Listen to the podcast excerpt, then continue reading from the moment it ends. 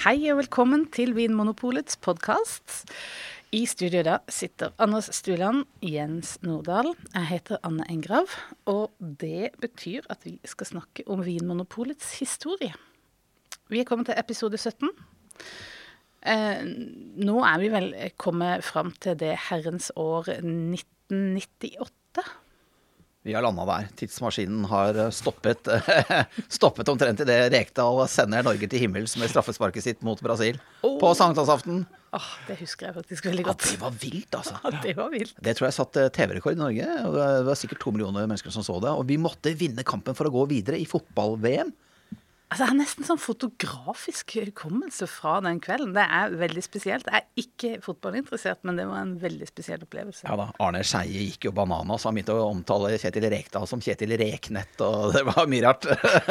Sånne ting syns jeg er kjempemorsomt, da. Eh, og så ble det jo tidenes folkefest i Oslo, da. da altså den, den natten, sankthansaften, det kunne jo ikke vært bedre tima da. Nei, ikke I Kristiansand, da, for øvrig. Ja, Var noen av dere med på disse folkefestene?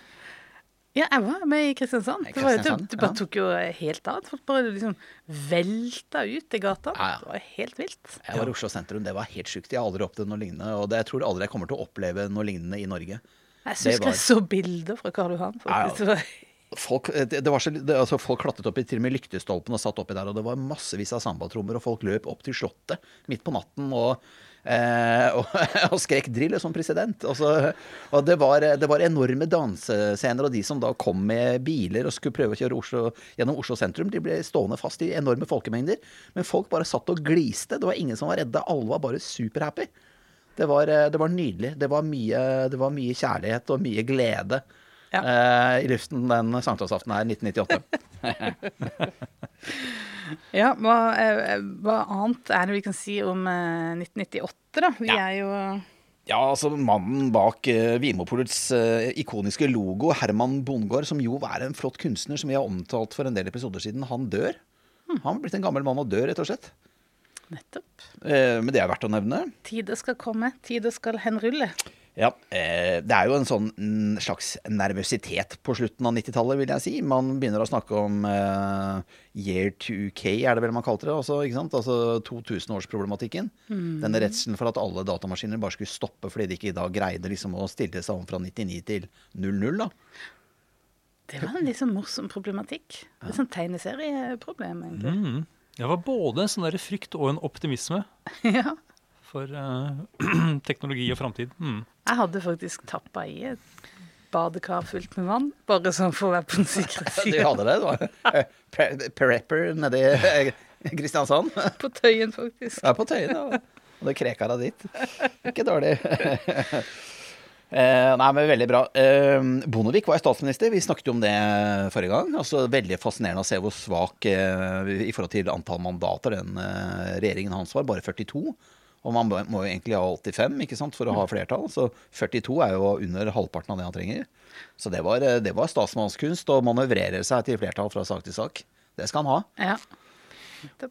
Og til tross for å være altså, øh, komme fra KrF, så fikk han gjennom øh, en reduksjon i avgift på sterkvin, var det ikke sånn? Jo, det kom vel i 2000, så det tror jeg, og kanskje også litt seinere. Ja. Så han var jo en mann som Han var en pragmatiker. Det kjennetegner jo Bondevik. Han var en, eh, men det må du kanskje også være da når du skal eh, manøvrere deg fra flertall til flertall med 42 mandater i ryggen, ikke sant. Da kan du ikke være prinsipiell eh, i ett og alt. Da må du, da må du svelge noen kameler underveis. Sånn er det bare. Det er politikkens lov, det. Naturlov. Eh, Magnhild Meltveit Kleppa eh, fra Senterpartiet er jo vår eh, minister, for å si det sånn, sosialminister. Vi kommer tilbake igjen til henne en del ganger i episoden. Jeg syns det er litt søtt, da. Vi har jo snakket mye om norsk geografi underveis her, ikke sant. Men altså Jørpeland kommune eh, Nei, unnskyld. Jørpeland i Strand kommune i, i Rogaland. Vi snakker nå om Ryfylke, og Ryfylke blir jo på en måte indre deler av Rogaland, altså innafor Jæren, da. Dette er ikke de mest befolkede og heller ikke de mest eh, besøkte eh, områdene av landet. Men Jørpeland eh, gjør jo krav på bystatus da i 1998, 1. april. Eh, Tajik, altså en av Norges beste politikere i dag, da, Haja Tajik, er jo, er jo fra, fra den kommunen, bare for å hjelpe folk å plassere det på kartet. Eh, så får vi da eh, 1. desember 2018, så vil jo da Sauda og, erklærer seg som, som by, og Sauda ligger jo da helt nord i Ryfylke. eh, i Rogaland. Så det gikk et sånt virus der eh, i Hvorfor vil de det? Det Er jo sånne eh, mindreverdighetskomplekser? Hva er, det som, hva er det som følger med det å bli by? Nei, du får vel Du blir et sted å reise til, da, vet du. Et byvåpen? Ja, det får du, ja, det får du kanskje også. Ja, og det handler, det handler jo om selvrespekt. eh, Men hva, er- hva er kravet, da? Du som kan en del om kommuner og Det tror, jeg, det tror jeg er litt tøyelig, uten å være sikker på det. Men det som er morsomt, grunnen til at vi har det med, hvilke kommuner er det som ligger mellom Sauda og Strand kommune, hvor altså Jørpeland ligger? Ja, det er med melde pass. Jo, det er Hjelmeland. Det er nesten ingen som har vært der. Men det er der Kleppa kommer fra! Ministeren Kleppa, og hun skal jo da følge oss som en, eh, som en rev. Hun er, eller hun er kanskje til og med en ulv. Altså, hvis Grøholt er reven, så er, er hun et enda større rovdyr der i skog, skogkanten. Du, Ja. Er det en liten sånn der eh, fight vi, du bygger opp det her? Ja da, de, nei da, men de samarbeider nok godt også, men eh, det er klart at eh, det skal jo skje spennende ting. da. Det, er- altså, her er det jo Polets metamorfose har jo startet, ikke sant? 96-97. De hadde jo tatt alle planene, de hadde jo lagt strategiene. Så nå var det egentlig bare å begynne å rulle ut da, alle disse geniale tingene som, eh, som de hadde besluttet. Og det lå, lå ikke noe sånn negativ valør i det å si, kalle det genialt, altså, for det var jo ganske smart. De var jo, de var jo lure. Eh, politikerne, Vimopols styre, Vimopols ledelse, eh, de gjorde det, det, det som trengtes. De, de gjorde jo det. Skal jo historien vise.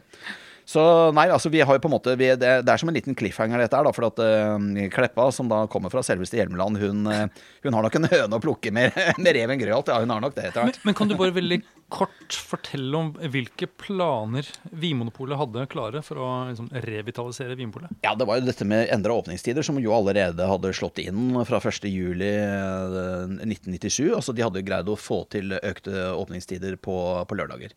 Eh, Det, det stengte jo tidligere klokken ett, ikke sant? Og, og så var det klokken 15, er det klokken tre, ikke sant? Fra, fra 1.7.1997.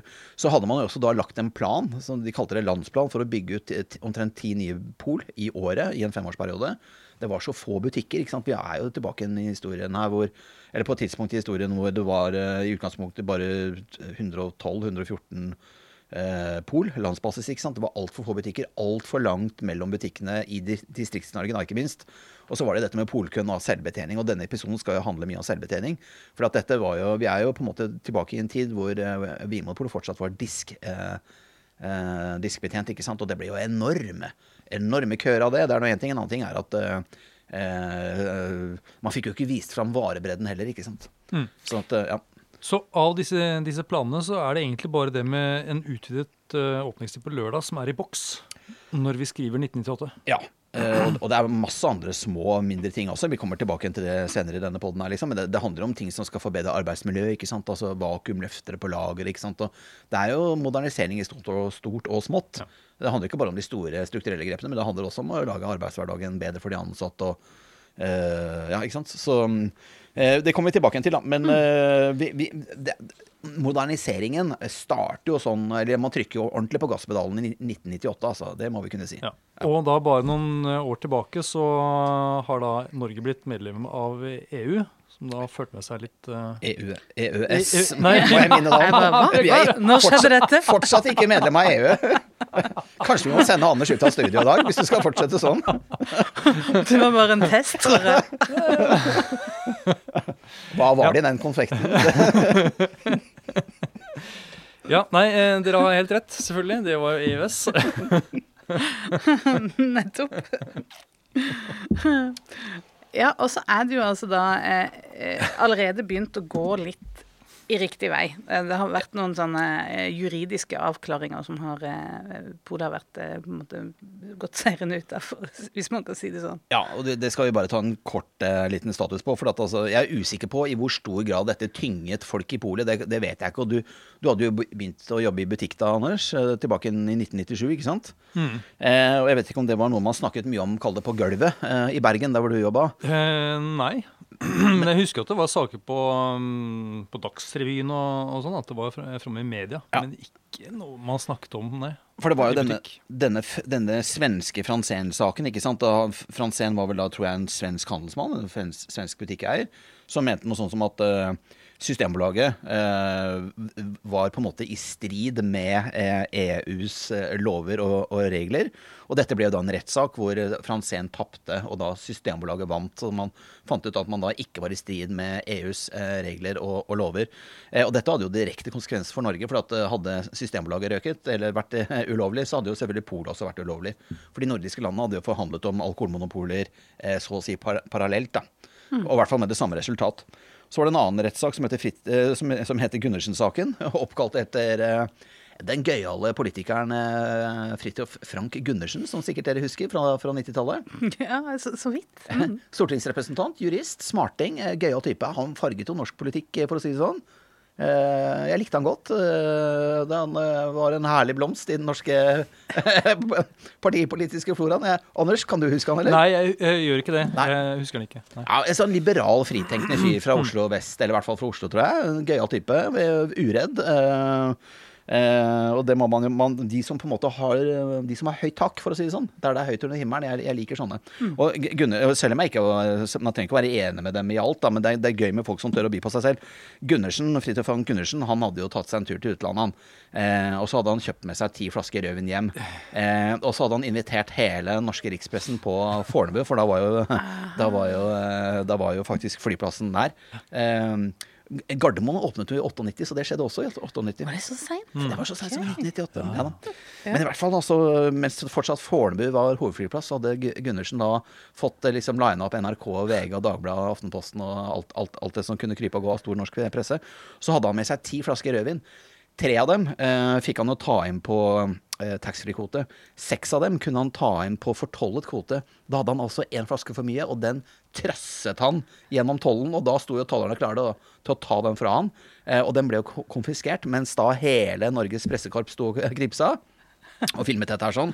Og da gikk jo, da, da jo Fridtjof Frank Gundersen til sak eh, mot den norske stat etter, dette, etter at denne flasken hadde blitt eh, konfiskert. For han var uenig i da dette Jeg tror det kaltes importmonopol. Jeg har, jeg har nok ikke klarhet i alle detaljer her, men det i hvert fall som var greia til eh, eh Gundersen, var at eh, han mente at Vimopols salg av svakvin eh, At, at svakvin da var diskriminert. Eh, til fordel f.eks. For, for øl. da. Mm. Eh, og, og, den eh, Gundersen-saken den endte jo også med tap for Gundersen, heldigvis, får vi si, og da seier for Vinmonopolet. Og så var det også en, en, sak til som het så mye som eh, ja, Hva het den? Også den eh, Wilhelmsen-saken. Ja, Wilhelmsen-saken. Det var en norsk kjøpmann som da mente at uh, man diskriminerte sterkøl eh, salg av sterkøl, fordi at det var på Polo, ikke i dagligvarebutikkene. Men også Wilhelmsen tapte sin sak, da. Så man hadde fått rydda unna alle disse tre rettssakene i 1997. Og da kunne man jo i hvert fall puste rolig ut, da, eh, når det gjaldt det juridiske. Eh, og så kunne man på en måte bare gønne på eh, og starte utrullingen av moderniseringen. Mm. Ja, Så da var liksom EØS i boks? Da var liksom alt det eh, på plass? Du mener EU? Nei, ja, nå, jeg er litt Europaspørsmålene var avklart en gang for alt. Alltid. Jeg bare tuller. Ja da, det skjønte vi. Eh, men i 1997, vet dere hva som skjedde da? Eh, hvor, hvor gamle hadde Polet blitt i 1997? Å, det, det, må jo være ved rask hoderegning, så må jo det være 75 år, det, da. Ja, stemmer. Mm. Det var et 75-årsjubileum. Ja.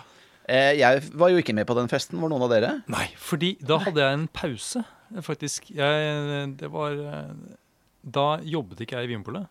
Å oh, ja. Var du da bodde utro? Jeg, da bodde jeg i Bø i Telemark. Og der var det ikke noe Vinmonopol. Um, så jeg, jeg, gikk glipp av uh, den Jeg husker at uh, de, de, de, fikk en gave. Det var som med bilde av Marianne Heske. Å oh, ja. Som trykk, ja. Som trykk, ja. ja. Uh, Alle som jobba i polet?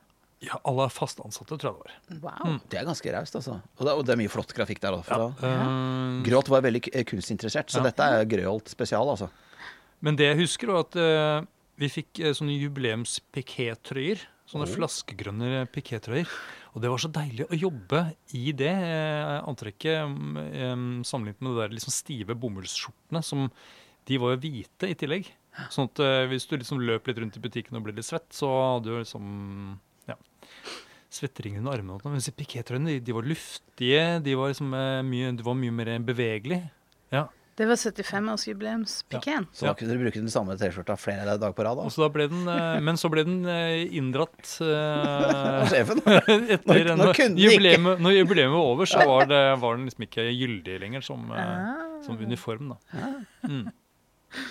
Ja, nei, det ble vel fest, da. Ja, det ble fest, eh, og det tror jeg var en fest man snakket lenge om. I hvert fall syns jeg husker det. Jeg begynte jo i Polet i 1998, ikke sant? og det var året etter denne festen. Og det, det var en fest man snakket lenge om. altså. Det, og jeg har jo en historie her eh, fra en sånn fest, fortalt av en direktør. da. Ja, ikke av. Grøholt selv, men eh, han- som var daværende produktdirektør. I en sånn fest? Altså, Ja, en sånn polfest. Altså, men var det ikke at man, samlet, man samlet ikke alle polansatte ett sted? Nei, det Nei. Var, dette var en jubileumsfest, og jeg vet ikke eh, altså, det, det var jo da en diger jubileumsfest i 1997, ikke sant? Ja. Eh, også, eh, og det var nok da Dette var nok en, en svær fest på Hasle, altså.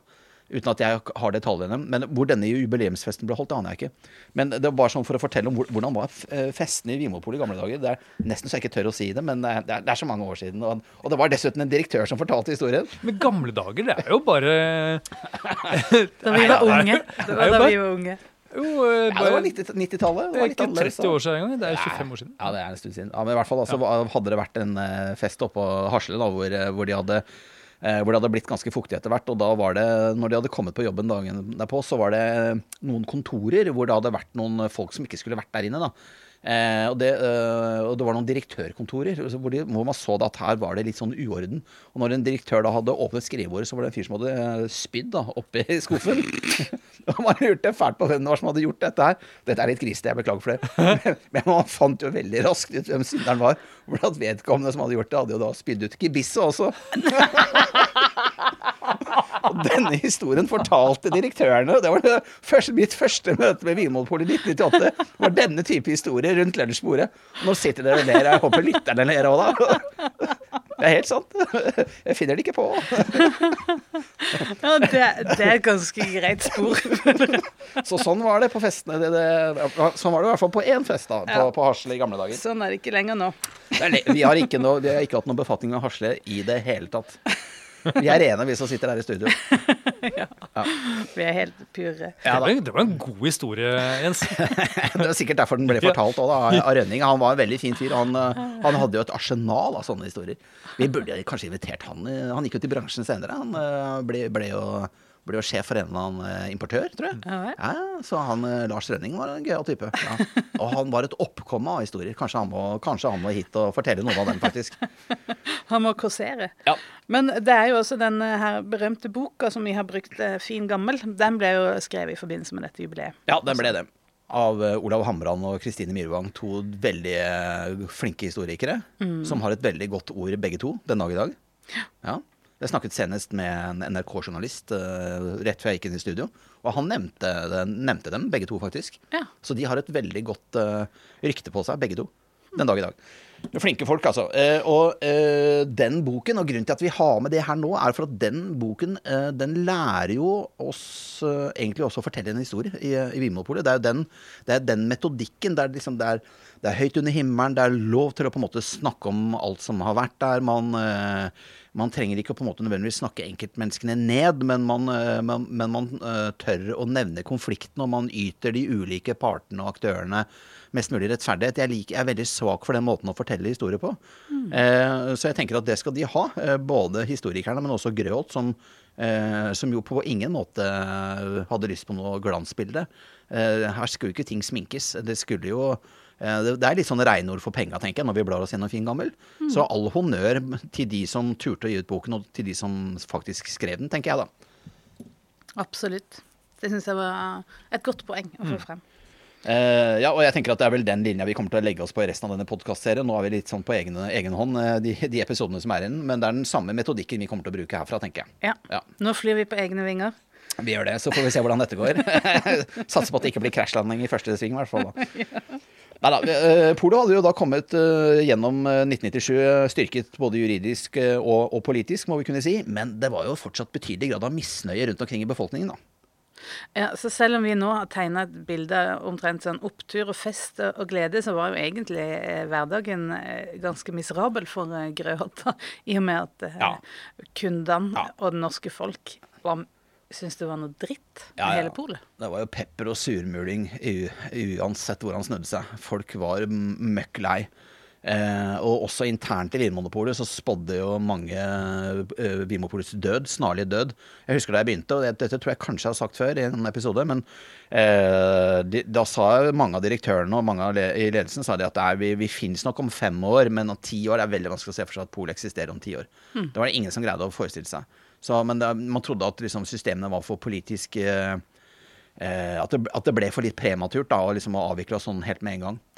Eh, sånn at eh, det var, eh, det var en, Jeg vil ikke si at det var noen sånn nederlagsstemning, men det var jo på en måte, det var litt merkelig at man ikke hadde mer tro på, på, på ordningen. Og det handlet nok også om at man hadde vært vitne til en historisk liberalisering eh, av markedene både på 80-tallet og 90-tallet. ikke sant? Så her hadde man jo to tiår, to tiår i ryggen med sammenhengende liberalisering. Thatcher, Reagan, Willoch, eh, for å bringe det hjem til det norske. ikke sant? Men også Arbeiderpartiet ble jo reformatorer en masse. ikke sant? Sånn at det, EU ikke sant? eh, Det var jo veldig mye som hadde blitt reformert og endret markedsmessig på 80-tallet, 90-tallet. Det var jo det. Ja, så var jo folk ute og reiste, og gikk i vinbutikker i Frankrike og Italia. og Mm. Hadde lyst til å ha sånne butikker i Norge òg. De, de hadde jo det. Og, og denne vi Og det har de fått, for nå har de fått verdens største utvalg. Det er 32 000 produkter. Det er, vi vet ikke om noen som har flere i hyllene. Vi gjør ikke det. Uh, as we speak. Men selve moderniseringen i 97, Anders, den hadde jo ikke kommet så veldig langt. Vi snakket jo litt om det i sted. Det var nye åpningssteder på lørdag. Altså hadde de, de hadde greid å åpne to butikker, men det var jo bare to. Mm. Vet, du, vet, du hvor de, vet du hvor de lå? Nei, Nei. Jeg tror, jeg Nei, tror det fulgte ikke jeg med på. Er Honningsvåg og Tynset, ikke sant? Og det er flotte steder begge steder, da. Altså Honningsvåg, det er vel så langt nord vi kommer omtrent i Norge. Altså Nordkapp, ikke sant? Uh, Tynset er en flott, uh, flott bygd i uh, Innlandet, helt nord i Innlandet på grensen til Sør-Trøndelag. Altså, ikke så langt fra Røros, egentlig.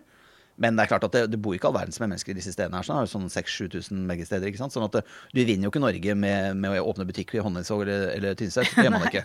Gjør ikke det. Nei. Men det, hvorfor tok det så lang tid, da? For dette er, eh, det ble egentlig lovet eh, ti butikker i året, var det det? Ja, det ble det. Nei, Det tok litt tid å få gjennom disse planene. ikke sant? Og Først er det jo en idé som noen får, og så skal det forankres politisk, og så skal det liksom forankres kanskje i styret før det, da, og så skal det jo behandles i Stortinget, og, så, og ting ruller og går. da, sånn at det, det tar jo, og det at eh, noe Når du skal gjennom en sånn politisk planprosess, eh, tar kanskje et år eller halvannet eller to, er nok ikke uvanlig, altså. Og det er nok en eh, rytmikk eller en fart. Eh, at politiske prosesser fortsatt har den gjennomsnittlige farten der sånn, den dag i dag, det betviler jeg ikke. Ja. Det tar tid å få igjennom ting. Ja. Også kommunalt. Absolutt. Men her var det på en måte noe da Denne seinere moderniseringa Det var noe da som fikk speeda opp eh, prosessen litt, og det var presse. Det var presset, helt klart. Og folk var utålmodige, ikke sant. Og vi har et sitat her fra, fra VG. Eh, for VG var jo en liberal avis som ville ha litt press og litt øh, fart Eller ja, ville ha litt fart på prosessen, da, rett og slett. Og de skriver da 17.9.1998. For de har nemlig gjort en undersøkelse gjennom Scanfact, altså meningsmålingsbyrået Scanfact, eh, hvor da eh, 78% av norske befolkning eh, ville ha vin i butikk. Eh, og det er ganske mange. 78 av folket ville, eller, eh, ville ha vin i butikk. Legge ned polet. ikke sant? Det er, det er nesten åtte av ti, det. Det er i 1998. Ja. ja, det er rett før man begynner å rulle ut selvbetjente butikker. eller så det kommer året senere da. Men da, øh, Venstres øh, stortingsrepresentant, tror jeg han var, Terje Johansen i hvert fall, han på en måte, han er intervjuet da i dette oppslaget, han sier jo da at Norsk alkoholpolitikk er feilslått. I Norge drikker man seg fulle på femliters dunker med smuglersprit. Samtidig er det forbudt å kjøpe seg en flaske vin i butikken. Det er feilslått politikk. Så her er jo denne Johansen da, fra Vrenstad. Han er populist så det suser, men han har jo sikkert også et poeng, da, vil mange mene, når man tenker seg tilbake igjen. ikke sant? For at det var, det var for um, Politikken hadde gått ut på dato, da, rett og slett. Den hadde jo Ja. det. Både pol- og alkoholpolitikken var jo anakronistisk, altså var jo på en måte en tidsfeilslutning. Tilhørte en annen tid. Hadde ikke utviklet seg på samme måte som markedet og samfunnet hadde gjort. da. Men vet vi noe om hvor mye brennevin folk drakk da, utenfor polets salg? Ja, Minst like mye som det polet solgte selv. Ja. Så han hadde jo et poeng der, sånn sett. Ja, ja, ja. Eh, og det var historisk lavt salg av brennevin. Vi måtte helt tilbake igjen til 1942 for at Polet skulle ha et lavere salg av brennevin, og det var jo midt under krigen, ikke sant. Mm. da, da var det jo riktignok bare brennevin Vimopolet solgte, men altså det var jo langt færre nordmenn i Norge i, i 1942 enn det var i, i 1998. Det var nesten 60 år senere, ikke sant. Eh, sånn at eh, det var en, det var en historisk lave salgstall. Eh, og en veldig klar indikasjon på at noe var galt. Og, og det som var galt, det var jo altså disse man hadde jo, fått, man hadde jo lagd dette riset for seg selv. eh, Det var litt sånn ris til egen bak dette med disse streikene på 70- og 80-tallet. For da, da, var jo polet stengt flere perioder og, og ganske lenge også, på det meste. Og det var jo da sprits, eh, spritsmuglerne da, med Erik Fallo fra Ski i, i spissen liksom hadde etablert nettverkene sine. da. De opererte jo ganske fritt og uhemmet fram til eh, høsten 2002, da Metanol-saken sprang. Men det, det hører jo hjemme i neste episode, eller kanskje til og med episoden etter det. Halvparten av eh, brennevinskonsumet Ja. ble solgt på Vinmonopolet. Eh, hvordan ligger vi an, bare sånn for å liksom hoppe inn i vår egen tid? Eh, hvordan er det fordelt nå, sånn Eh. Ja, altså koronaårene er jo litt eh, altså med, Under koronaårene 20, 2020 da, 2021 så har vi jo nesten hatt alt konsum. Eh, I en normal situasjon så skal jo grensehandelen og taxfree eh, ligge høyere, ikke sant. Så vi, det, det jo, har vært en betydelig dynamikk i disse tallene. Eh, nei, vi ligger jo høyere, helt opplagt, men jeg har, sitter vel ikke med en sånn markedsandel i, i hodet, men vi ligger høyere enn 50% Det gjør vi helt, helt opplagt, altså. Så men det kan jo på en måte være hjemmelekse til neste episode. Eh, og så har jo da de to siste årene vært veldig unormale i den forstand at Vimopolet har jo nesten tatt rubbaraket. Eh, som følge av at skjenkasalg, eh, grensehandel og taxfree har vært så å si eh, i full stopp hele veien. Ja, så eh, vi snakker altså eh, om lavt salg av brennevin, men altså for å fornye det kan jo også ha noe med mer eh, vindrikking. kan vi kanskje ha noe med det å gjøre også? Ja, ja, ja. Det, det var vel noe vi tok i forrige episode, at, eh, at vin gikk forbi eh, brennevin for første gang i historien, rent varelyttemessig. Eh, og det som jo også skjer, er jo at eh, eh, det, er, det er jo eh, også spennende ting som skjer på rødvinssiden. Altså i, Ja. i, i forhold til salg av rødvin. Ja, og, og vareutvalget blir større, rett og slett. Ja, det gjør det òg. Ja, og det, sånn sett så går jo fornyelsen i det små. Eh, vi er jo på, da på 3500 produkter ved utgangen av 1998. Mens vi starter 1998 med 2800, så der, der er det 700 nye produkter på markedet i løpet av det året. Nettopp. Og det franske. Uh, hva er det som skjer i det franske rødvinssegmentet?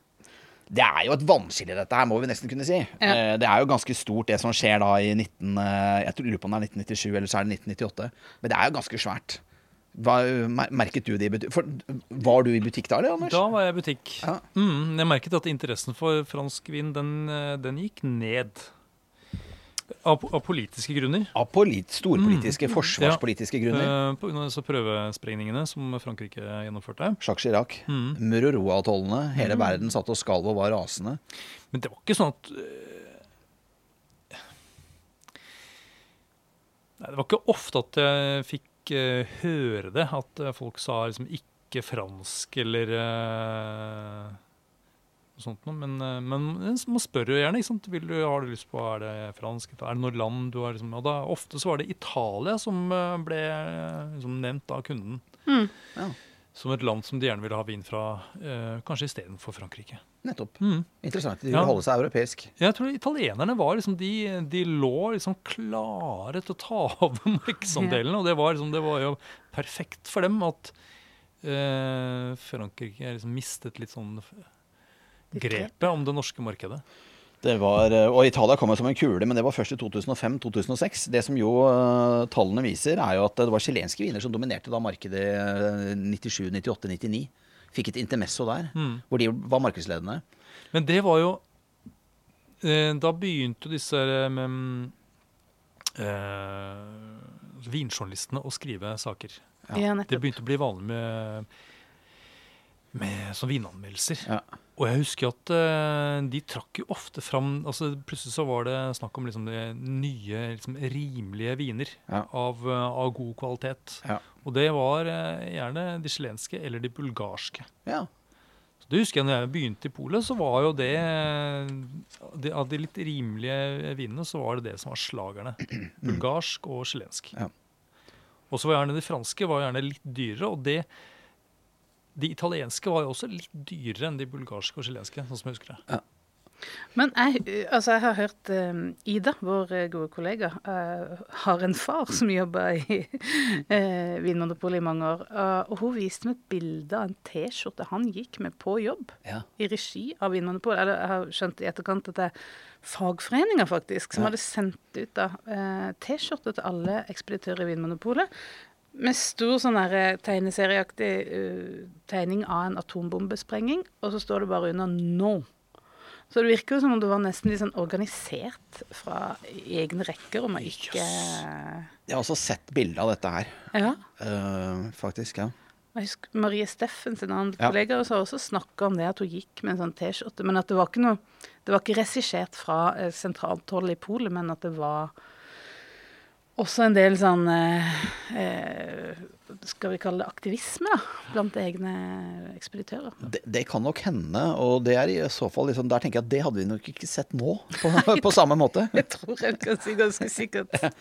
Så der, her har jo tiden forandret seg selv bare på disse la oss si 25 årene som har gått siden den gangen. Ja. Men det som er ganske interessant, jeg må bare si det før jeg glemmer det, er at altså Franske rødviner, vi skal huske på det, hadde jo da vært markedsledende i 75 år.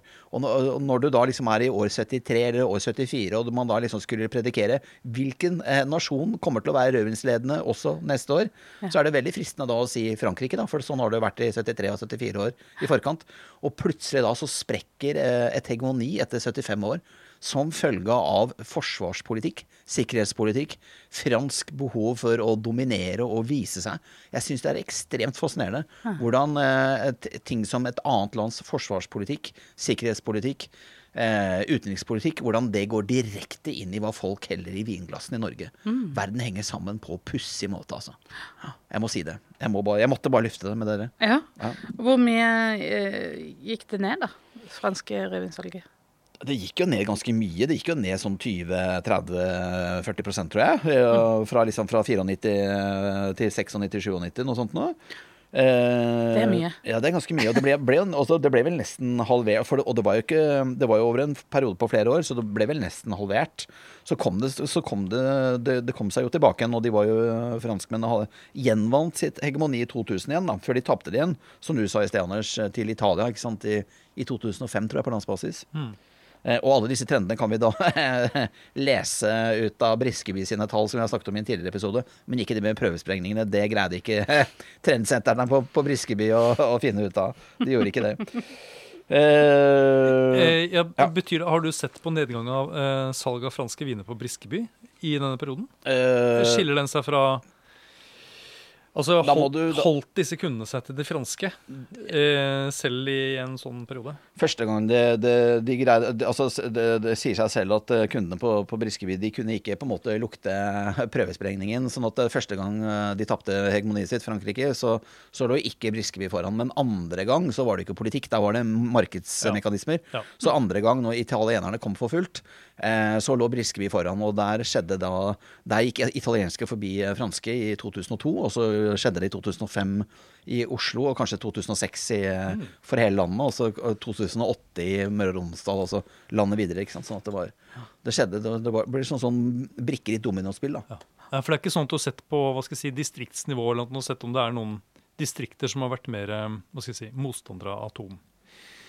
av prøvesprengninger enn andre eh, om, områder i Norge. Om, eh, ja. Så gode tall har vi ikke fra 90-tallet, dessverre. Men det hadde Nei, vært en eh, fantastisk ting å begynne å sjekke om man kunne lest noe politisk ut av Vinmonopolets salg. Nå ser jeg du fikk los, eh, Jeg fikk stjerner i øynene. Snart er det jeg som begynner å bable helt uforståelig. Anders har jo satt standarden. Da. La oss holde oss til Grøholt, da. Hvor er, hvor er Grøholt nå, da? Vi, vi, vi, vi må tilbake til han. Vi har vært ute i verden og snust på atombomber. Ja, da, og det er jo litt storpolitikk vi har rota oss inn i nå. ikke sant? Og, og Grøholt han er jo litt sånn eh, ja, Det er vel ikke akkurat storpolitikk han holder på med, da, men han spiller i hvert fall høyt. da, Så skal jo han, han skal jo legge seg ut med Kleppa, som vi kommer tilbake til. Men han blir jo sånn sett liksom reddet av de sånn store politiske hjulene, han òg, på, på, på sett og vis. Eh, Om, om ikke store politikk, så i hvert fall store politiske hjul som ikke har noe med polo å gjøre. Så, så det er liksom Vi er på et, vi er på et visst nivå, føler jeg, da. Vi er jo det. Og nå, nå skjønner kanskje ikke lytteren så mye, men vi kommer tilbake til det i løpet av episoden. Ja. Eh, litt mer om 1998, folkens, før vi raser videre her. ja. Skal vi gjøre det? Det syns jeg absolutt. Vi åpner jo noen butikker, da. Ja. Hvor, eh, hvor, eh, hvor mange butikker var det nå? Det hadde bare vært to året før, så Ja. eh, har vi fått klart å få speeda opp denne her prosessen i 98. De trykker på gassen. Veit du hvor mange som kommer i nye butikker i åt- 98, eller, Anders? Ja, nå var det Var det seks butikker, da? Ja, det, det er helt riktig. Det er den største utvidelsen av Vimopolis butikknett siden 1975. Wow. Ja da. ja, ja. Mm. Og stedene her da, som ble åpna, Florø i Sogn og Fjordane, Ja og Grimstad, Ja. Den lille perler. Lille perler. Det er jo 25 000 som bor der, da, så det er ganske stort. Ja, det er en nydelig by. Det er en Ja, ja. perfekt bystruktur. Burde absolutt ha hatt et pol før. Definitivt. Men der kan det nok ha vært lokale avholdskrefter som kanskje ikke ville ha det tidligere. Det For være. veldig mange steder av landet så var avholdskulturen eh, veldig virksom fram til 90-tallet. Mm. Ja. Så, så Agder, eh, deler av Rogaland, har nok vært eh, historisk undereksponert for pol, som følge av at de ikke har ønsket polet der. Hmm. Og det er fortsatt veldig stor grad av lokal selvråderett når det gjelder eh, butikketablering. Vinmonopolet kan ikke komme og etablere butikk eh, hvis ikke kommunen vil. Det er fortsatt et gjeldende prinsipp i norsk alkoholpolitikk.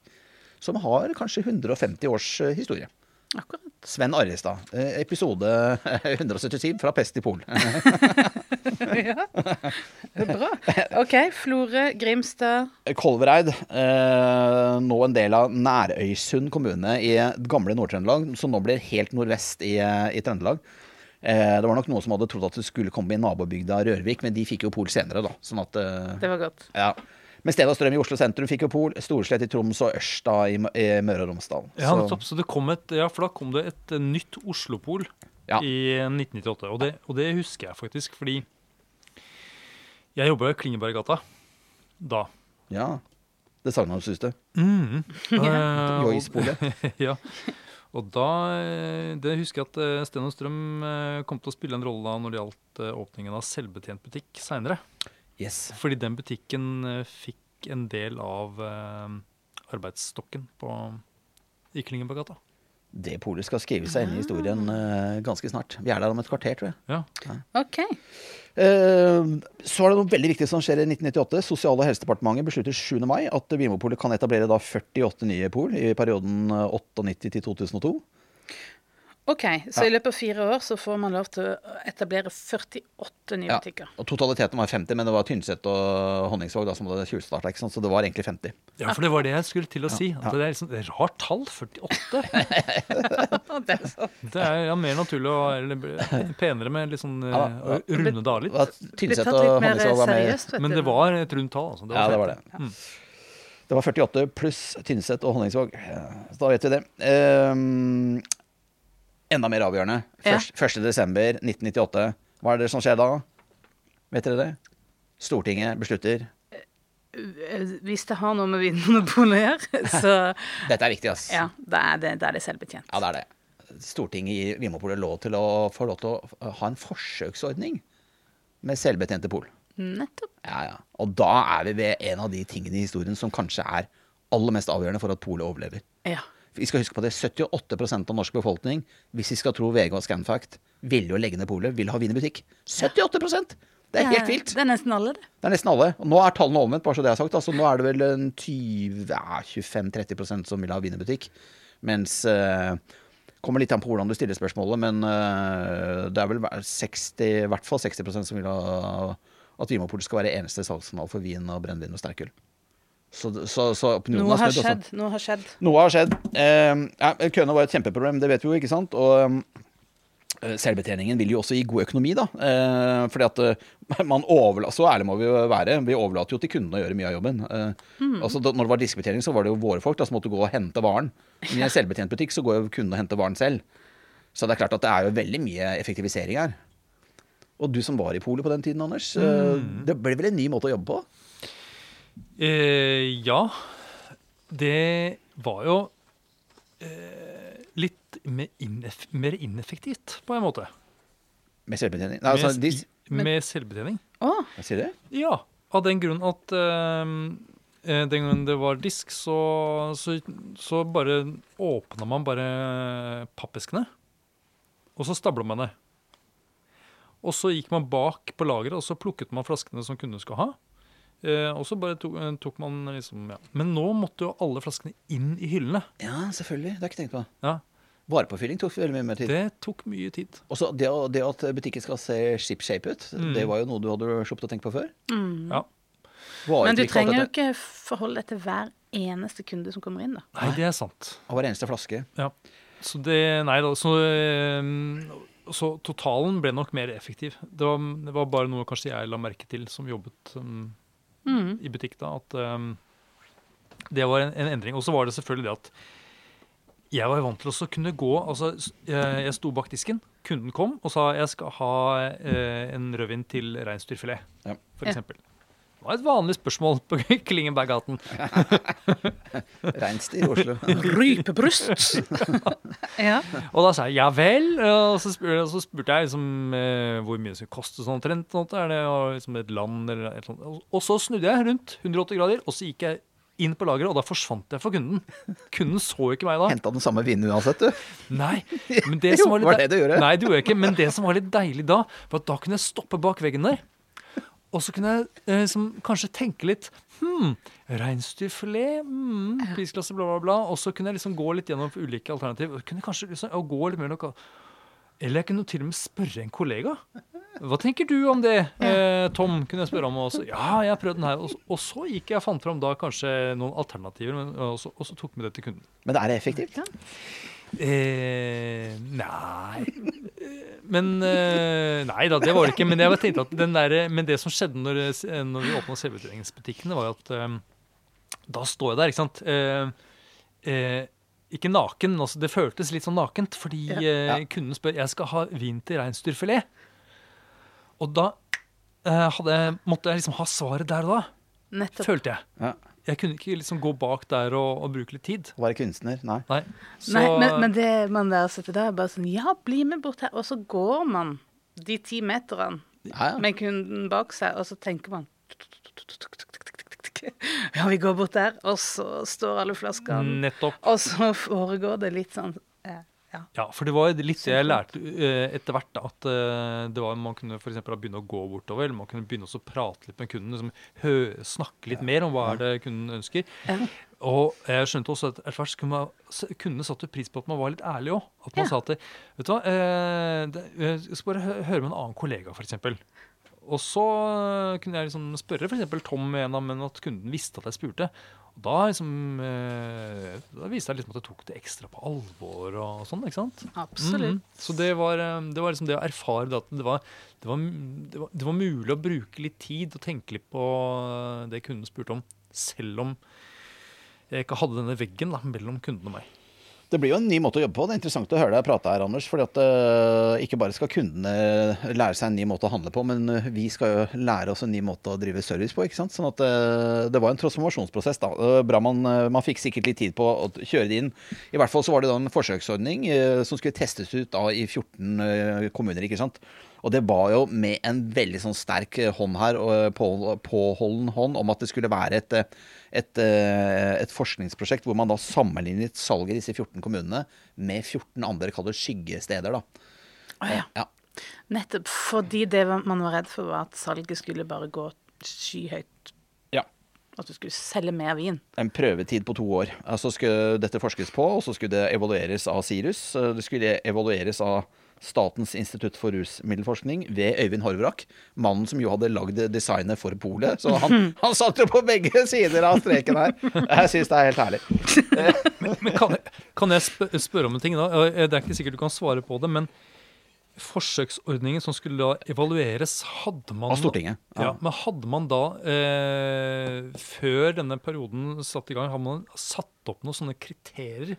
Hva er det på en måte hva hva så man for seg som grenser for hva som er akseptabelt og uakseptabelt, f.eks.? Jeg tror jeg ingen i politikken tør å på en måte snakke om sånne grenser. Det, da blir man jo fanget av tidligere utspill. Så jeg tror at en politiker vil jo alltid holde er som reven, vet du, holde alle muligheter åpne. Ha minst to utveier av hiet sitt. Så jeg, jeg, nå sitter jeg bare og synser, jeg må bare understreke det. Men jeg tror ingen politiker har lyst til å binde seg opp i noen sånne predefinerte predefinerte tall som gjør, gjør at du er tvunget til en annen action inn, inn i framtida. Altså. Det vil jeg Nei. Men, Så- så, men ja. alkoholkonsumet og altså Men det handlet, om, ikke, det handlet ikke bare om alkoholkonsum. For det, altså, en ting er hva, man, hva det øker av eh, registrert salg. Det er helt opplagt at det kommer til å øke salget av registrert alkohol. Altså avgiftsbelagt alkohol i Norge. Men man så jo også fortsatt at dette skulle ta fra uregistrert alkohol, ikke sant? Men hvorfor er det opplagt at det øker salget? Jo, det er fordi at eh, tilgjengeligheten øker. Og når det øker, altså det er pris og tilgjengelighet da, som er liksom de to, eh, det er liksom de to eh, tommelfingerreglene. da. Ja, for det er mindre kø. Eh, ja, altså du, du mindre kø, og du, du øker jo kundegjennomstrømningsmuligheten. Altså, du, du, Det er som du sier, du går glipp av køen, eller slipper køen. Det er helt strålende. Eh, det, det må man jo bare si. Sånn at, Men- eh, og så handler det også om legitimitet, for at politikken hadde ikke legit legitimitet. Vi skal huske på det. 80 ville legge ned polet. Ville ha vin i butikk. Det går ikke an. Og, altså, du, du har ikke mulighet til å føre en sånn politikk med mindre du heter Kim Il-sung og driver Nord-Korea. ikke sant? Altså, du, du, man er nødt til å ha eh, eh, eh, en politikk som, som støttes av befolkningen. Hvis ikke så på en måte velger jo bare en, eh, befolkningen nye politikere ved neste valg. Det er sånn et demokrati fungerer. Ja. Så politikken skal jo selvfølgelig ikke være populistisk hele veien. Men det er klart at du, du, man kan ikke gjennomføre en politikk som, som, i, som 80% er skarpt imot. Altså, det går ikke, tenker jeg da.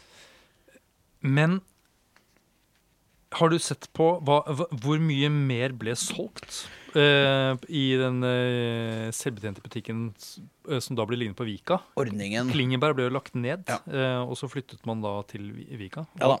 Hvor mye solgt, mer solgte man? Eller solgte man mer? Ja, det gjorde man. Målt i liter ren alkohol så tror jeg det økte med ca. 10 noe, noe sånt noe. Eh, men jeg har ikke helt klart for meg om det da var total alkoholkonsum eller bare det registrerte. Eh, men så handlet jo dette også om alkoholpolitikkens legitimitet. Kjempeviktig. ikke sant? Så det handler jo ikke bare om konsum. Det handler også om å få en politikk som aksepteres av et flertall. Men når du sier 10 gjaldt Ja. det den, altså 10 økning i, i den butikken, eller altså eh, i dette området? Nei. Eller snakker du 10 Ja. økning i salget for hele Vinmonopolet? eh, i alkoholkonsumet i landet. Eh, sånn at, og det er det, det er det man er interessert i. Hva har dette å si for det totale alkoholkonsumet? Og jeg mener å huske at det var ca. 10% Men det var bare én butikk. Nei, altså, nei, men så nei, det var 14 butikker. Eh, oh, ja, men det er nettopp det var, Ja, Vika, var, Vika var bare en av de første. og så lager man en forskningsrapport, og så Ja. sier man hva Hvis resten av Norge responderer som disse 14 butikkene, hvordan ser det da ut? Mm. For man kunne, man kunne da få et tall, da, ikke sant? Det var det som var hele greia. Det, det var en representativitet her. Ja, så det var 14 butikker eh, som åpnet i løpet av denne forsøksperioden. Ja. Så det gjelder da der scenario hvis alle butikkene var pol, ø, selvbetjente. Mm, skjønner. Så ble det 10 opp.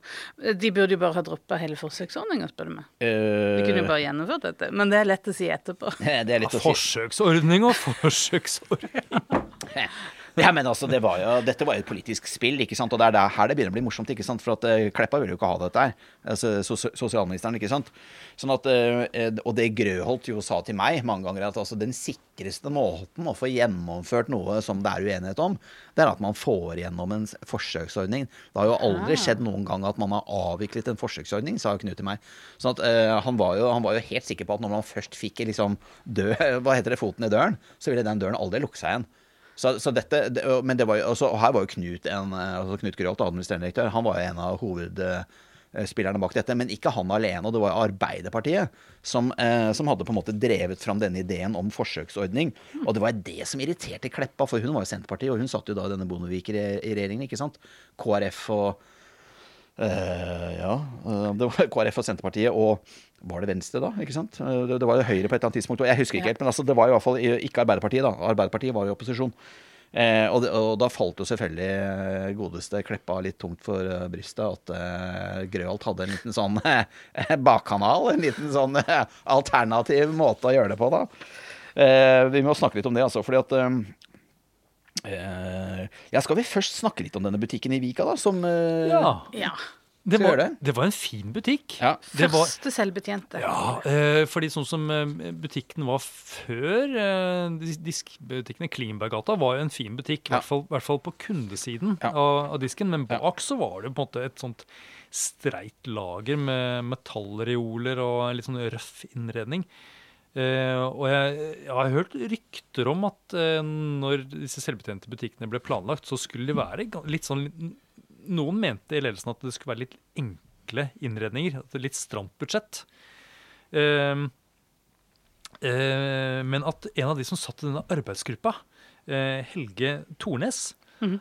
han ønsket at det skulle være, det skulle være litt sånn ordentlige eh, materialer. Treverk, stein Ja. og, og sånt noe.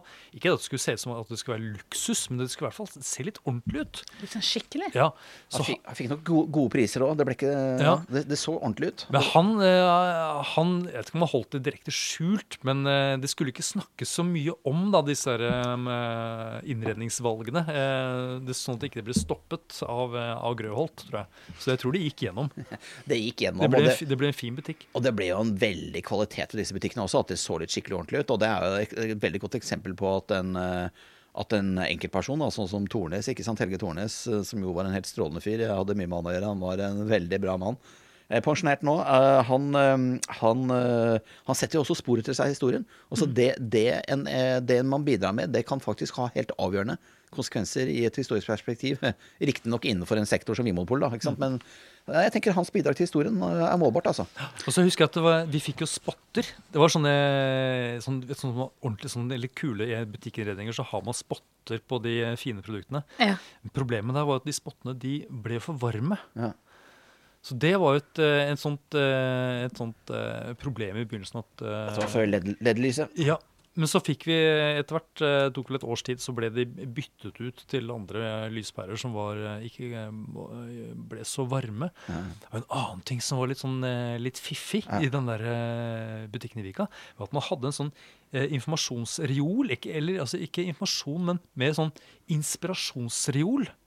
Eh, som var på en måte eh, rundt en søyle, hvor det var nesten som en, sånn, eh, en disk der kunden kunne lene seg mot. Og der lå det kokebøker. Ja. Eh, kulinarisk reise til Frankrike, blant annet. Men det var også en sånn lyttestasjon. Oi. Et lite, lite stereoanlegg med, med headset, som man kunne da eh, Sånn at man kunne høre på Det høres ut som noe Einar Joyce kunne gjort. Nei, ja.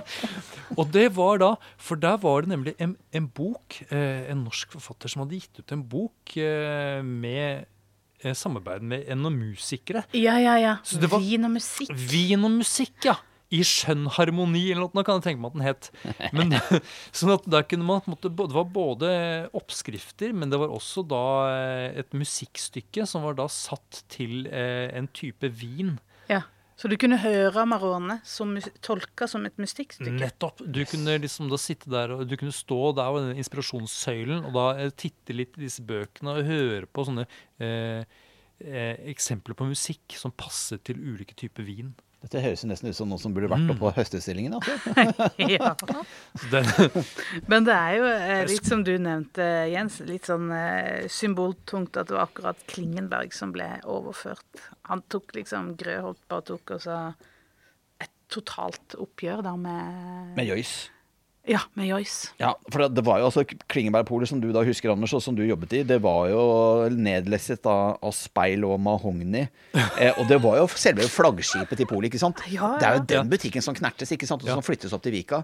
Og der, der tar på en måte Da tar Grøholt Antagelig uten å kanskje vite det, men om han gjør det, så er det for så vidt med en viss eleganse. Altså. Eh, han tar da på en måte og, og terminerer prestisjeprosjektet til Joyce, altså Klingeberg-polet, og så skaper han selv eh, sin historie ved å åpne landets første selvbetjente pol i Vika 15.6.1999. Anmeldt av Aftenposten til terningkast fem eh, under tittelen 'Selvbetjent eh, er velbetjent'. Det var Geir Salvesen, som både var vinanmelder og, og politisk journalist, som skrev den. Eh, og man ble jo da kvitt både den forhatte polkøen, og, men at kundene også da fikk et veldig godt og reelt innblikk i varebredden. Eh, man kunne jo spasere blant flaskene, ikke sant. Ja, jeg husker, det. jeg husker det, det tok flere år før kundene begynte å fleipe med at eh, skal, Vil du se boardingpass? pass? altså, De fikk assosiasjoner til taxfree-butikkene, rett og slett. Ja. Men jeg husker, men var En litt sånn pussig ting der da, var at um, når vi hadde veldig få flasker igjen Ja. av et produkt, og vi ikke skulle føre det lenger, så ble det satt i en sånn restehylle Ja. som hadde som, som sto vendt ut mot kundene. Så, Spesielle godbiter. ja. jeg at det sto, veldig ofte så sto det kunder da og så på den der restehylla. Eh, så de, de var liksom spesielt interessante for, eh, for, for kundene. Ja. Sånt hadde jo ikke vært lov lenger. Nei, det uh, tror jeg ikke. Uansett, det var jo i hvert fall fem, Vi er nå 15.6.1999, og det er altså mens Grøholt kas kasserer inn sin første seier. Ja. Det er da Merteit Mertveit Kleppa sitter og fyrer seg opp på statsrådskontoret. Ja. Det er da hun er hypp på å bli kvitt han, ikke sant? For hun skjønner at dette her er ikke noe forsøksordning. Nei, og- nei da, det, det skjønner hun. eh, Men hun skjønner at hun eh, kanskje har blitt litt lurt også. For at eh, det er jo da denne alliansen mellom Einar Skogholt, heter han faktisk, eh, i Arbeiderpartiet. Eh, Han var sosialkomiteens nestleder. Han, det var han som hadde tatt kontakt med Grøholt. Men altså, Kleppa kan jo takke litt seg selv. Jeg må bare fortelle denne historien, for jeg synes den er litt morsom. For det hele hadde begynt på en konferanse eh, i regi av Kleppa selv, altså av Sosialdepartementet, da, høsten eh, 97. Eh, da, eller det kan også ha vært vinteren 98. Men altså, Sosial- og helsedepartementet eh, var litt tomme for ideer når det gjaldt liksom framtidig alkoholpolitikk. Så de trengte at det skulle komme sånn innovativ, litt sånn spennende type. da, eh, Mann eller dame, liksom, og fortelle dem om hvordan framtiden kunne bli. da. Og da hadde de ringt til Grøholt, ikke sant, og han var ikke vond å be. han hadde dratt dit, han, og inspirert dem da, med en tipunktsliste. Eh, og da hadde han bl.a. foreslått eh, selvbetjening. Ja. Og i motytelse mot at eh, polet skulle få selvbetjening, så skulle Vinmopolet opprette to professorater etter svensk modell. Svenskene har altså, alltid vært så grundig, ikke sant? og de har hatt en veldig sånn forankring i, det, i, det, i, på en måte, i ansvarlig salg og alt, alt mulig sånn. Eh, politisk korrekte, vet du, de er jo det borti, borti Sverige. Men ikke et vondt ord om svenskene, det må jeg bare legge til. De er flinke. Og noen ganger irriterende flinke. Men de hadde i hvert fall finansiert eh, de hadde i hvert fall finansiert to professor, professorater borti, borti der. da. Ett på medisin og ett på sosialpolitikk, tror jeg det er, sosialmedisin. Og dette tilbød Grøholt seg å gjøre, da. Eh, det ble aldri noe, av de professoratene. Det, det Agne Kanskje hun prøvesmakte litt hun med Kleppa, men hun beit aldri på ordentlig, da. Men, eh, men til stede på denne konferansen så var allerede nevnte Salvesen Han var jo eh, som sagt politisk journalist, altså Geir Salvesen i Aftenposten. Og han, eh, eh, han lagde jo en sak på dette. her? Han intervjuet jo Knut Grolt eh, om, eh, om denne tipunktslisten. Eh, eh, han hadde også gått til Meltveit Kleppa, og, og som selvsagt var til stede på sin egen konferanse og spurt om hva hun mente om selvbetjening. Og hun hadde liksom bare svart ganske kort og greit nei. Altså, det var nei med store bokstaver og utropstegn. Det var, var helt uinteressant. Eller helt uaktuelt, rett og slett. Nettopp. Ja, Så hun hadde lagt ballen død. Det hadde hun gjort. I Aftenposten, landets største avis. I hvert fall var det det da.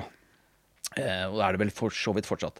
Eh, I bakkant av dette arrangementet eh, så tar jo da denne Skogholt, Einar Skogholt, altså nestlederen i sosialkomiteen, fra Arbeiderpartiet, som ikke sitter i regjering, vel å merke, han tar kontakt med Grøholt eh, og lanserer denne ideen om at selvbetjening burde vært en forsøksordning. For han vet jo det fra et langt liv i politikken, ikke sant. At skal du ha noe gjennom, så må du bare forsøke det litt, og så, og så blir det permanent etter hvert. Det er litt som å låne en kattunge. Leverer ikke den tilbake. Låne en kattunge? Er det noe sånn praksis man har på Sørlandet, eller? Ja, du leverer ikke den kartongen tilbake. Nei, det høres jo, høres jo veldig fornuftig ut, det, da. Ja. Eh, og han mente også da denne Skoga holdt ikke sant? For det er jo- Arbeiderpartiet har jo alltid vært arkitekter i alkoholpolitikken. altså De, har jo, de, har, jo- de er jo liksom en sånn stor eh, bevegende hånd gjennom alkoholpolitikkens historie, Arbeiderpartiet. Og han mente jo det at eh, et flertall av Stortinget kunne ikke si nei eh, om man foreslo selvbetjening som en forsøksordning. Vi skal huske på det. Konteksten er nesten åtte av ti av nordmenn eh, over 18 år vil ha vin. De er drittlei. De er møkklei Vinmonopolet og eh, lange køer eh, og alt som følger med. Eh, man tenker bare få kasta dette ruklet på historiens skrapa. Det er det man vil. Eh, så igjen, da. Her, her kommer jo det en politisk entreprenør ikke sant, fra Arbeiderpartiet og, og har en løsning. Eh, eh, og på dette tidspunktet i historien så skjønner nok Kleppa at dette er en tapt sak. Eh, og hun hadde da et møte med, med Grøholt hvor hun foreslår at det er greit med selvbetjening på vin, men det skal fortsatt være disksalg for brennevin. Det var greit. Det var en god løsning. og da var det Grøholts tur til å skrike nei. Og da var det hans tur til å nekte tvert. Eh, eh, han sa det at det, det gikk jo ikke, ikke sant? det var håpløst. Eh, det kunne ikke være, Man kunne ikke da på en måte ha to butikker i samme butikk. altså Det hadde blitt veldig vanskelig å ha både selvbetjent og, og disk i samme. ikke sant? Ja. Men det som var litt morsomt, er at Grøholt den dag i dag, han, er jo, han vet jo ikke om Meltveit Kleppa kanskje bare erta han litt, eller tulla litt. For det, kunne hun faktisk da nesten vært trones til å gjøre, ikke sant? Hun ville erta han litt sånn helt på oppløpssiden. Han, denne skulle han ikke få billig, altså. Så jeg syns det er litt morsomt, bare tanken på at en, at en minister og en eh, administrerende direktør sitter sånn kanskje og erter hverandre litt, eh, og foreslår ting de kanskje egentlig ikke mener, men de bare vil se reaksjonen på mot, hos motparten. Det syns jeg det, Sånn practical jokes på det nivået der, sånn syns jeg på en måte bare Tanken er jo, er jo litt eh, morsom, da. Det er jo det. Å, jeg tenkte det åpner for en hel eh, For en TV-serie, tenker jeg. Ja, ja, det gjør det. Det gjør det. Altså, men det ble jo da forsøksordning, det vet vi allerede. ikke sant? Og det er 15. juni 1999 og alt dette her. Så gikk jo da eh, Meltveit Kleppa gikk jo etter hvert eh, Hun var jo ikke minister da denne ordningen skulle evalueres. Og da, var det jo Arbeiderpartiet som satt ved makten ikke sant, i 2001. Så de, og de ville jo ikke altså De ville at denne forskningsrapporten skulle gjennomføres, men de var ikke så veldig opptatt av hva som sto der. Så det ble jo aldri en sånn stor politisk debatt. Skal, skal ikke. Man skjønte at det var veldig viktig å bare få losa dette gjennom eh, for å berge polet. For det var det som var det sentrale for Arbeiderpartiet. Berge polet. Det måtte støttes av et eh, større, større prosentandel enn liksom eh, 22% Det var for lite. Og jeg, jeg må jo bare si at jeg er jo helt enig. Altså Driver du politikk og er opptatt av som Einar Busterud, uh, ordfører på Hamar, sier, det er viktig å ha folk i ryggen. Altså, det er, det er så, så enkelt som det. Altså, jeg tror Einar Busterud, som har greid å bli gjenvalgt i ordfører uh, i Hamar eh, fire-fem ganger, jeg tror han er inne på noe helt sentralt. Det er viktig å ha folk i ryggen. Det er, Ja. ja, men politikk, demokrati, det er så enkelt. Eh, så, så det er viktig å være prinsippfast, men ikke, ikke for enhver pris, altså. Kjære venner. Um, yes. Um, det, det som jo også skjedde høsten 1998, og da har faktisk jeg begynt i Vinmonopolet, og det er ikke så interessant i seg selv. Men det som er interessant i seg selv, er at en av de første arbeidsoppgavene jeg fikk av Knut, også Grøholt, det var å skrive en kronikk. Eh, om eh, at norsk alkoholpolitikk skulle eh, moderniseres, skulle oppmykes. Grøholt ville ha lavere avgifter på brennevin, bl.a. pga. dette brennevinsproblemet. Altså godt under 50% kanskje helt ned mot 40% av det nordmenn drakk av brennevin, var jo kjøpt andre steder enn oss. Vi hadde begynt å utspille vår rolle. ikke sant? Folk valgte oss vekk. Vi var ikke lenger eh, relevante, og vi hadde heller ingen hadde heller ikke den intenderte effekten. da. Eh, jeg, eh, og jeg har blitt så gammel at jeg husker jo ikke helt detaljene rundt dette. Men jeg lurer på om tittelen kan ha vært noe sånn som spritsmugling som politisk utfordring. Jeg har bladd i gamle eh, harddisker og alt mulig sånn. Jeg har ikke funnet kronikken. Men jeg tror jeg har hatt en finger med, i hvert fall i en sånn tidlig, tidlig utkast. Så var det ikke min kronikk som på en måte gikk i, gikk i avisen, men den kom nok på trykk i Dagsavisen. Men jeg har ennå ikke funnet den igjen. da. Men uansett, den kronikken der sånn eh, som jeg husker godt at kom på trykk, eh, den eh, skapte jo Grøholt litt eh, problemer med. For da var det jo fortsatt, var det fortsatt eh, Kleppa som, eh, som satt ved makten, ikke sant. Og da hadde hun fått servert både selvbetjening mot sin vilje, og så fikk hun da dette avgiftsutspillet høsten 1999, ikke sant. Eh, og da var da hun, eh, hun hadde sagt til en av sine nærmeste i departementet hvordan kan vi bli kvitt den mannen der? og den mannen der, det var jo da selvfølgelig Grøholt. ja, det var det. Men eh, så måtte jo da regjeringen meldte at Kleppa var en del av. Det måtte da gå av før eh, hun rakk å sparke Grøholt, om hun da overhodet hadde den planen. Men altså, det, hun, hun begynte nok å bli litt irritert på Knut. Hun ble nok det, altså. Eh, Bondevik-regjeringen eh, en gikk jo av på en miljøsak som eneste norske regjering hittil. Det var mars eh, 20, altså 2000. Eh, det var denne såkalte gasskraftsaken. De ville ikke svekke forurensningsloven, så da var det Arbeiderpartiet som på en måte Uh, fikk dem til å gå på den samme Høyre og Senterpartiet, tror jeg. da. Akkurat. Så der, vi er der, altså. Sånn at, eh, og det var, sånn sett så blir jo da på en måte Grøholt her sånn. Det er her Grøholt blir uh, berget av de store, tunge politiske hjulene, som jo handlet om en maktkamp, om regjeringsmakt, uh, mellom de store, tunge, toneangivende partiene som fortsatt dominerer norsk politikk. sant? Høyre, Senterpartiet, Arbeiderpartiet. Eh, tre store, eh, må man nesten kunne kalle dem. Um, eh, den, dette spillet om regjeringsmakt rundt årtusenskiftet eh, berget Grøholt i jobben sin, kan det se ut som i ettertid. Ja, for du tror Kleppa ville ha eh, satt ned foten og sagt eh, du går for langt? Ja, kanskje. Og det begynte vel å brenne et blått eh, lys for han, eller et grønt lys, eller hva vi skal kalle det. Det begynte å brenne et lys for, for Grøholt, kanskje. Eh, jeg eh, tenker uansett at eh, grunnen til at jeg jeg tenker, eh, Ikke bare jeg, men altså jeg tenker at det er all mulig grunn til å ha Grøholt veldig veldig høyt på listen over administrerende direktører eh, som har på en måte ytt Vinmonopolet rettferdighet opp gjennom eh, historien. Jeg tenker at det han gjør her sånn, det vi har sittet nå på en måte og forklart eh, så langt i denne podkasten, hvordan han får gjennom selvbetjening, og hvordan han på en måte tør å utfordre, hvordan han tør å være en politisk aktør, når vi jo vet at eh, Joyce gikk for langt, det at han setter stillingen på spill. Og vi vet at ministeren, i hvert fall noen av dem, er antagelig interessert i å bli kvitt han. Han har jo et vanvittig mot. Eh, og sett i ettertid så tenker jeg det at Grøth hadde jo rett. Han, han har jo vært med på å berge eh, Vinmonopolet gjennom en historisk vanskelig fase hvor åtte av ti ville legge ned hele bedriften. Eh, og veksten eh, på eh, nasjonale sånne popularitetskåringer, altså rank, bedriftsbarometer, ikke sant, eh, omdømmekåringer. Alt dette er som det starta jo eh, fra midten av 90-tallet, etter at Grøth hadde fått lov til å virke noen år ikke sant, i, i, i sjefsstolen. Så jeg øh, altså Det er selvfølgelig umulig å sammenligne Lindemann øh, og Joyce og kanskje Grøholt, men jeg tenker at Grøholt han er jo han er i hvert fall på delt førsteplass, og kanskje er han også på førsteplass. Eh, fordi han jo han, han, han, han var, var, villig også til å ofre seg selv for en større sak, tenker jeg da. I hvert fall når, når, jeg ser dette her historisk. så jeg tenker at han, Og det, han skal jo gjøre mye mer enn dette, men allerede her sånn. Han har jo skrevet seg inn i historien med gullskrift. En modig mann, en, en, ikke en slu strateg, men en, en smart strateg. Eh, og, og strekker strekke strikken akkurat så langt at den ikke ryker. Men eh, Jens, du som jeg vet ikke, har uh sett disse tingene kanskje sånn litt på nært hold også, kan eh, handlingsrommet for administrerende direktør i Vinmonopolet for, for, å liksom ytre seg politisk sånn som Grøholt gjorde, har det endret seg eh, gjennom polets historie, eller har det på en måte vært mer eller mindre det samme?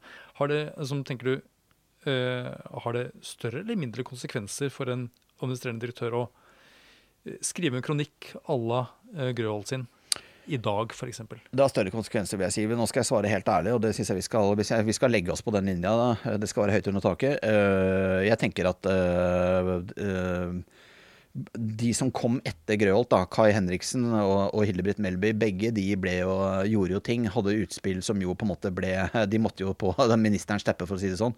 Så jeg tenker jo at det ytringsrommet har skrumpet inn, og jeg tenker det at mye av det Grøholt uh, uttalte offentlig uh, back then, altså på slutten av 90-tallet og begynnelsen av 2000-tallet, uh, eh, det tror jeg ingen poldirektør har uttalt og vært like frittalende i bakkant. Så han har jo også, Men det skal sies at hans etterfølgere har jo på en måte da blitt, blitt, kalt inn. Og, og, det var også slik at eh, Grøholt ble jo kalt inn, og han ble også truet med å bli sparka. Og, og, vi skal også huske det at eh, i disse årsmeldingene fra begynnelsen av 90-tallet, så, eh, så, begynte man jo årsmeldingen med å si at Vimopolet lojalt eh, skulle følge politiske vedtak og ikke selv være en politisk aktør. Så det har jo i, i 30-40-50 år vært et veldig viktig poeng for politiske miljøer å på en måte slå fast at Vimopolet skal ikke være en politisk faktor. Selvsagt ikke en partipolitisk faktor, mens heller ikke en eh, Altså skal ikke selv ta på en måte politiske standpunkt. Man skal lojalt følge de vedtak som nasjonalforsamlingen, altså Stortinget, fatter. da. Følge, følge, følge spillereglene i demokrati. Som, så, og jeg tenker at det er, det, det er, ikke noe galt, det, at man skal eh, følge demokratiet. Men samtidig så skal det være et ytringsrom, og det, det tror jeg nok, hvis jeg skal være helt ærlig, det har nok skrumpa. Det har mm. nok det. Mm. Ja, og jeg tenker den store forskjellen er jo i det det handler om eh, beste for Vinmonopolet. Ja. Altså utover eh, enkeltpersoner og utover partipolitikk. En, en direktør må jo kunne snakke om fremtida for selskap og organisasjonen. Jo, jo, og det er jo det Grøholt og Kai Henriksen og Hilbrit Melby gjorde også, kjære vene. Det var jo alltid til selskapets beste. De har jo mm. alltid, de har vært strateger som også har på en måte tenkt framover, ikke sant. Men det, det, det, har ikke vært like greit. Og dette er jo ting vi kan ta opp igjen i senere episoder. Mm. Eh, vi, vi, vi, er snart på tid her, ser jeg, men eh, vi skal kanskje fort bare rase gjennom de butikkene vi åpnet i 1999, og så må vi avslutte med champagnerekorden. For eh, 90-tallet uh, skriver seg inn i historien med et brak, da. Jeg har også lyst til å legge til en ting, nemlig. Ja. noe som handlet litt om det med å sørge for ja. at Vinmonopolet liksom økte i popularitet. Ja. Fordi eh, det var vel i 1999 så opplevde Vinmonopolet at eh, For da var det jo det var jo nyhetslanseringer eh, den gang, som det er nå. At det var en nyhetslansering eh, som gikk eh, såpass på trynet eh, fordi den fikk veldig veldig negativ omtale i enten Dagbladet eller VG, tror jeg det var. Eh, som skremte ledelsen i Vinmonopolet såpass at de, de fant ut at her måtte de gjøre noe, noen ting. Og da viser det seg sånn at eh, systemet For den gangen så var det jo eh, leverte man jo anbud eh, inn, og så ble, det da, ble disse tilbudsprøvene smakt av et sånt dommerpanel, og så ga de en karakter. Ja. Og den karakteren var fra null til ni. Ja. Og hvis et, et produkt fikk karakteren seks eller høyere, eh, så ble de rangert likt. Altså alle produktene som fikk eh, seks eller høyere, ble rangert likt. da. Da tok du bare den billigste. Nettopp. Sånn at av de produktene som fikk mer enn seks, eller Ja. seks, så var det den billigste produktet som ble lansert. Ja. Det var ordningen den gangen i 1999. Ja, Og, eh, og det førte da til at eh, eh, kvaliteten kanskje ikke var den beste heller. Så dette var også noe som ble endret på, Det, var, det ble da eh, endret at uh, man, skulle, man skulle se både på karakter, og leveringsdyktighet og, og også pris da eh, til slutt. Men karakter var det som var det viktigste. Så nå er det da den høyeste karakteren som blir vurdert for innkjøp. Nettopp. Og så eh, fikk man jo inn det som kalles for spesifikatører. Eh, altså som da som var ute og sonderte litt eh, dette med, med marked og sørget for at man fikk inn det som da eh, At man ba om anbud eh, på produkter som var, som var da aktuelle i markedet. Og de skulle heller ikke ha så eh, tett kontakt med SPI. Sånn at man fikk litt mer vanntette skott da, mellom, eh, mellom de ulike delene av innkjøpsordningen. Ja, mellom de som smaker og de som kjøper inn. En Ja. sånn treenighet Mm. der. Mm. Eh, og da de de hadde ansvar for hvert sitt område. Ja. Eh, F.eks. Eh, Italia, Frankrike, og så var det en annen spesifikatør som hadde ansvar for andre land. da. Jeg bare, jeg bare nevner det, fordi det er jo en opptakt Ja. til eh, noe som vi skal komme nærmere inn på eh, seinere i, i historiepodkasten. Ja, ikke sant? Eh, ja. Ja, det er spennende, for det er jo, det, og det er profesjonalisering på så mange områder. Jeg tenker det kan være greit også bare å ta, lese fort gjennom de stedene som får Ja. og vi skal ikke Jeg skal ikke dvele her for lenge ved dem, også, jeg lover det. Men også bare lese opp stedene som får pol. Ja, Grünerløkka får pol i 1999. Kolbotn får, altså Oppegård kommune, 25 000 innbyggere, får sitt første pol i 1999. Lakselv i, eh, i Finnmark får sitt første pol samme år. Lindås, altså det er Nordhordland, det ligger jo da nå Alver, altså oppe ved Mongstad der, ikke sant, eh, får sitt første pol. Lørenskog, altså eh, forstadskommunen Lørenskog på Romerike, snart, eh, det er vel nå runda 40 000. Eh, Da var det vel i hvert fall 30 000 innbyggere. ikke sant? Får sin første butikk så sent som i 1999. Moa Ålesund, kjempesvært eh, kjøpesenter. Er Butikk nummer to i, i den eh, kommunen der. Os Hordaland, eh, der er det også rundt 20 000 innbyggere. Nå er det Bjørnafjorden blitt sammen med Fusa, Eikelandsosen. Eh, Sandnes Kvadrat eh, får butikk nummer to. Sunndalsøra og Trysil Hedmark. altså det, dette er stedene, og det er mange av disse stedene. Eh, enten så er det store turiststeder, eller så er det store pendlerkommuner. Eller så er det jo helt sentrale kjøpesentre, eller byer, byer i landet. ikke sant? Eh, og det bare sier jo noe, Når du bare leser den lista, så skjønner man jo det at tilgjengeligheten har vært for dårlig. Det har vært for langt mellom butikkene, og det har vært for få av dem. Og her, dette var da ti butikker Ti i 1999, så nå hadde da Vinpol eh, fylt sin eh, årskvote for ja. etablering. Du fikk bare råd til å åpne ti i året, var regelen eh, på den tiden. Eh, så tenker jeg at vi må jo nesten bare avrunde 90-tallet da med champagnerekorden. Det er jo litt søtt, da. Eh, for at champagnerekorden fram til og med 1999 var jo helt tilbake inn i 1939. Vi, har, vi nevnte det vel i opptakten til annen verdenskrig, ikke sant. Det var akkurat som at folk da, altså krigens psykologi Man skjønte at nå går det til helvete ikke sant, i et Europa som vakler mot krig da, på, på, gjennom de harde 30-tallet. Så, øh, så vil man da unne seg det beste eller noe godt liksom en siste gang før, før man ta, øh, styrter ut i fortapelsen ikke sant, og tysk invasjon. Eh, dette var altså da en champagnerekord fra 1938 og 1939, og det er helt påtagelig. altså. Man kan, nesten så man kan lese en sånn kollektiv psykologi inn i champagnetallene våre, for de var veldig lave under Gerhardsen og selvfølgelig under krigen og, og senere. Så tar det seg litt opp under jappetida, selvfølgelig, men så går jo folk av hektene eh, i 1999. Eh, tar prins, som dere husker på ordet. I'm gonna party like it's 1999, er ikke det han synger? noe sånt noe. I hvert fall så får vi jo en vanvittig eh, eh, champagnerekord når folk skal eh, feire selvfølgelig tusenårsskiftet. Står den rekorden ennå, eller? Nei, nei, nei. nei. Norge har blitt så no, eh, altså, og, Særlig kanskje champagnesalget. Jeg sier dette med et spill om munnen, men det er mye sannhet i det òg. Champagnesalget er en god indikasjon. Eh, altså Det utgjør liten grad av salget vårt. Vi snakker om 0,3 eller 0,4 eller et eller annet noe. Det er en veldig god indikasjon på børsindeksen og på en måte på økonomien i, Norge. Og Norge har jo hatt en sammenhengende vekst siden eh, siden resesjonen på begynnelsen av 90-tallet. Og det er helt unikt, nesten også i vestlig sammenheng. Eh, nå er ikke jeg noen makroøkonom, men jeg har i hvert fall fått med meg det at eh, den veksten man har i norsk økonomi eh, de siste 20-25 år, er helt unik. Det er nesten ingen andre land som kan vise til det. Og kanskje heller nesten ikke i verdenshistorien. Det er mulig jeg drar litt hardt på der, men eh, det er i hvert fall ikke langt unna. Det er veldig veldig uvanlig at et land har så sterk vekst, så sammenhengende, så lenge som eh, Vinmonopolet har hatt. Og hvorfor sier jeg det? Jo, det er fordi at vi selvfølgelig setter stadig nye champagnerekorder hvert eneste år eh, som går. Åh, ja, nei, da er vi kommet fram til nyttårsaften, holdt jeg på å si. Til nyttårsaften 2000. eh, Grøholt får fart på moderniseringen. Han har grunn til å juble. Han har god grunn til å se fram til nyttårs, uh, nyttårsaften. Ja. Og han har vel kanskje, kanskje har han foldet hendene og bedt en liten bønn om at databrikken ikke skulle ødelegge for han.